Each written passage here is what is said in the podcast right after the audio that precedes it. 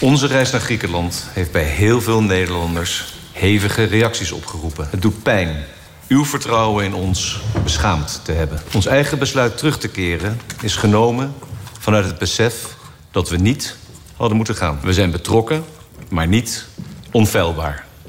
Ja, het was een hachelijk weekje voor het Koningshuis. De keuze om na de aangescherpte coronamaatregelen toch op vakantie te gaan... werd publiekelijk keihard afgestraft. Terugkeer met een doodgewone KLM-vlucht was niet genoeg... en dus volgde er een videoboodschap met een schuldbewuste koning... en een intens droevig kijkende Maxima. Nog nooit eerder vertoond, schreven de kranten. Of in de woorden van journalist en historica Daniela Hooghiemstra... het begin van het einde. Goedemorgen, Daniela. Goedemorgen. Ben je er? Ja. Ik ben je bent op afstand. ja. um, voor we ingaan op een wat meer historische vergelijking... Uh, waarom vind je die excuses geen goed idee? Nou, zoals al gezegd wordt, het was uniek. Oh, ik hoor een enorme echo trouwens. Uh, maar goed. Um, Is het sorry, ja. Ik, het, uh, ja, het gaat nu goed, ja. De, normaal gesproken zijn eigenlijk de directe boodschappen van de koning aan het volk gaan altijd over iets wat ons allemaal betreft. Hè. Het is de kerstboodschap of als er iets heel ergs gebeurd is, zoals destijds in Apeldoorn. Maar hier ging het om een privévakantie. Dus iets waarvan de koning zelf ook altijd juist zegt dat het een privézaak is. En dat is het ook. Um, en het is heel ongebruikelijk dat uh, hij daar dan video's over opneemt. En maar, dat geeft een gekke indruk. Ja, nu wordt er op, over het algemeen eigenlijk heel uh, positief op gereageerd. En, en um, dat imago van ik ben benaderbaar... dat is uh, uh, eerder ook wel succesvol gebleken. Um, dus is dat dan niet een, een logische consequentie van die positionering? Nou, ik denk dat het gebaseerd is op een, op een vergissing. Uh, en die vergissing is dat, dat de koning een privé-instituut zou zijn. De, de koning is natuurlijk is eigenlijk geen privépersoon. En uh, althans niet staatsrechtelijk.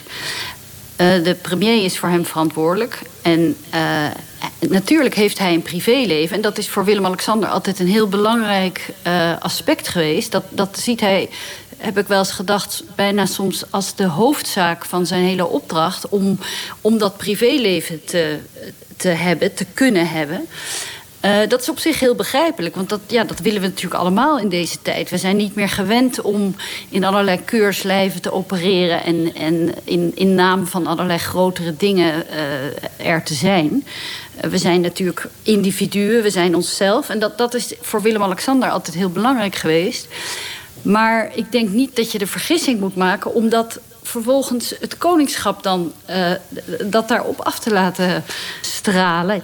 en van het koningschap een soort privézaak te maken. Want dat, dat is het niet. Ja. Ook als hij op de sporttribune zit... dan moet hij uh, daar als de koning zitten en niet als Willem-Alexander. Ja, en nou is in Nederland een enorme uh, tolerantie op dat vlak. Omdat we het eigenlijk altijd heel fijn gevonden hebben... dat ons koningshuis, wat wel wat gezegd werd, zo gewoon was. Hè? Dat was ook de reden voor de populariteit van Juliana. Dat ze dan eigenlijk gewoon een hele gewone oma was. Zo, zo zag iedereen haar. Ja. Maar dat was ze natuurlijk niet. Want, maar je zegt die vakantie of die boodschap aan zich is eigenlijk niet het probleem van het Koningshuis. Maar het is een consequentie van een, van een groter probleem. Kun je, kun je dat uitleggen?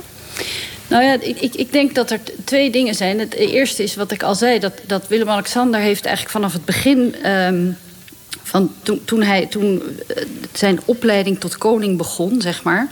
Uh, dat heb ik een tijdje gevolgd destijds. Het was ergens midden jaren negentig. Toen werkte ik bij NRC. En toen zag ik steeds dat het voortdurend ging over die wrijving. Van, uh, er was eigenlijk een, een prins die uh, eigenlijk geen koning wilde worden. Althans, die ontzettend opzag tegen het, tegen het opgeven van zijn privéleven. Uh, en daar ging die, over die wrijving ging het eigenlijk de hele tijd. En uiteindelijk heeft hij zich daar overheen gezet. En heeft hij zich dus uh, ja, ook wel, denk ik, met overgave uh, aan dat koningschap gewijd. Maar die frictie is nooit verdwenen. En ik denk dat tegelijkertijd kwam het de politiek wel goed uit.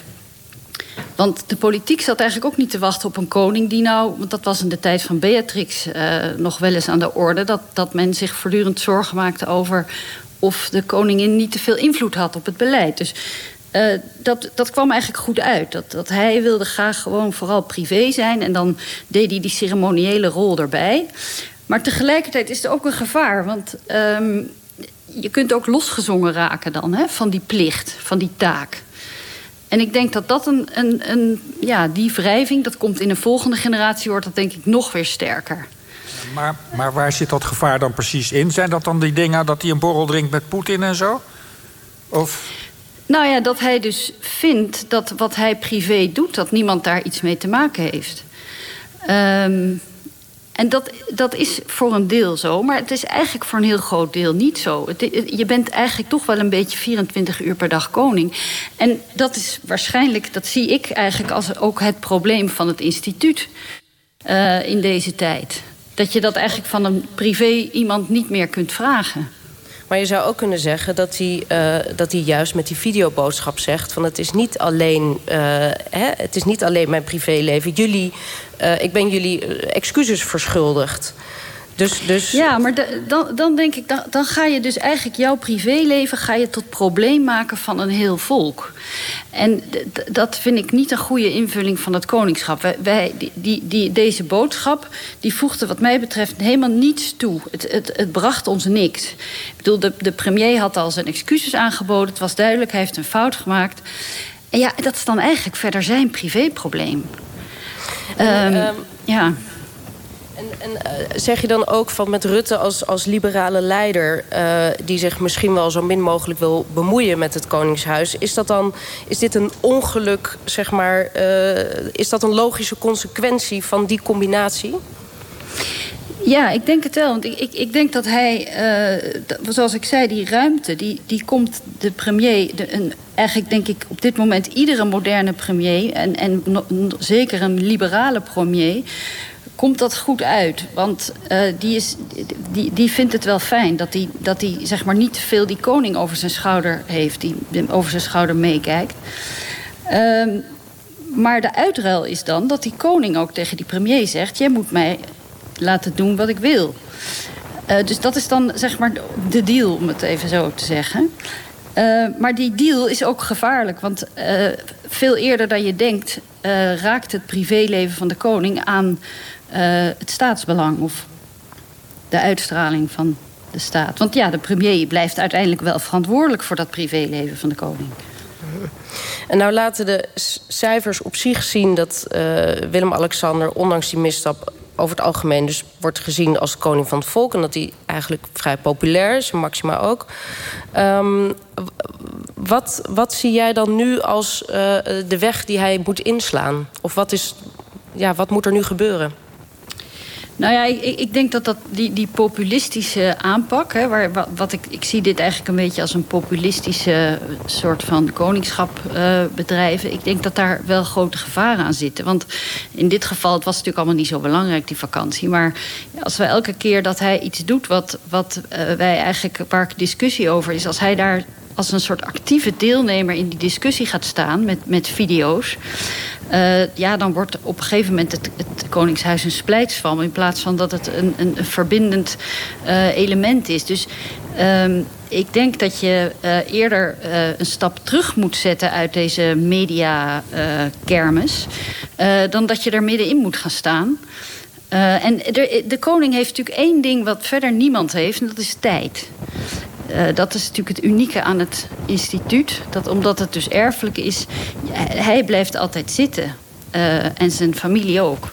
Dus waarom zou je... Je hebt die, die volksgunst helemaal niet altijd de hele tijd nodig. Je, je, je kunt soms ook iets verkeerd doen en dan gewoon doorgaan. Kan toch ook afgeschaft worden, Daniela? Nou, dat kan natuurlijk ook, ja. Als de volksgunst niet meer heeft, ja. Ja, precies. Nou ja, en maar daarvan denk ik ook, kijk, als dat de richting is waar het op gaat, dan heeft het ook geen zin om daar tegen te gaan vechten. Want dat, dat, ja, dat is dan denk ik toch een soort historische ontwikkeling die je niet tegenhoudt. En het zou mij ook niet verbazen als het uiteindelijk die kant op gaat. Je het net over uh, zijn voorgangers, hè, Beatrix en Juliana. Uh, Beatrix trok meer pak van de, van, van de staat aan. Daar kreeg ze ook wel kritiek op. ja, teruggaan naar dat systeem werkt waarschijnlijk niet. Uh, Juliana was sowieso een totaal andere tijd. Wat, wat zou er nu dan, wat zou jij voorstellen? Wat moet er gebeuren concreet? Nou, ik, ik, ik, ik zou zeggen uh, dat je het uh, instituut wel wat minder aankleedt. Dus uh, we hebben nu natuurlijk een maximaal aangeklede monarchie. die discussie over de beloning die, is in de Kamer nu met de sisser afgelopen. Maar ik denk dat dat toch een probleem is. Ik, ik, zie ook die enorme toestand die is ontstaan over die vakantie naar Griekenland. Eigenlijk was die vakantie naar Griekenland ook weer niet zo erg. Want het was gewoon geel gebied. Maar ik denk dat de koning heel erg onder een vergrootgas ligt. Omdat we allemaal zien dat ja, die, die beloning van de familie is, is wel, kun je toch wel excessief noemen. Uh, dus ik denk als je, als je een rustiger uh, koningshuis wilt hebben, dat je dan moet beginnen om toch eens opnieuw naar die beloning te kijken. Uh, Misschien is het ook zo dat als je, als je normaler wil zijn, dat mensen dan ook denken. ja, maar zo normaal ben je niet. Ik wil ook een speedboot van, van, van 2 miljoen. Ja, precies. En dat is, in deze tijd is dat toch veel sterker al, die gedachte, dan nog weer in de vorige eeuw. Want de maatschappij verandert natuurlijk ook. Hè. We, we, Um, eigenlijk is een soort gestage ontwikkeling naar, naar steeds meer gelijkheid en steeds minder het idee dat als je voor een dubbeltje geboren bent, dat je dan geen kwartje wordt. Van dat, uh, van dat idee dat, dat, dat, iemand geboren wordt ergens voor, daar, daar zijn we inmiddels natuurlijk echt wel helemaal van af. Uh, en in de vorige eeuw, er zijn nu denk ik nog wel mensen van een jaar of laten we zeggen 80, uh, die nog hebben meegemaakt dat, dat uh, de, de, dochter van de timmerman niet trouwde met de zoon van de bankdirecteur. Maar ja, daar zijn we echt wel helemaal van af, van dat idee. Dus de koning is daarom eigenlijk een steeds meer bijzondere figuur geworden in die samenleving. En als je dat dan ook nog eens accentueert door hem zo excessief te betalen. En, en bijvoorbeeld ook de, de, uh, de onkosten die voor hem vergoed worden, dat dat, uh, dat dat eigenlijk een soort van slag in de lucht is. En dat, dat, dat hij eigenlijk niets hoeft te verantwoorden in dat opzicht. Ja, ik denk dat dat wel moeilijk vol te houden is op een gegeven moment. Goed, hartelijk dank voor je analyse, Daniela Hooghiemstra.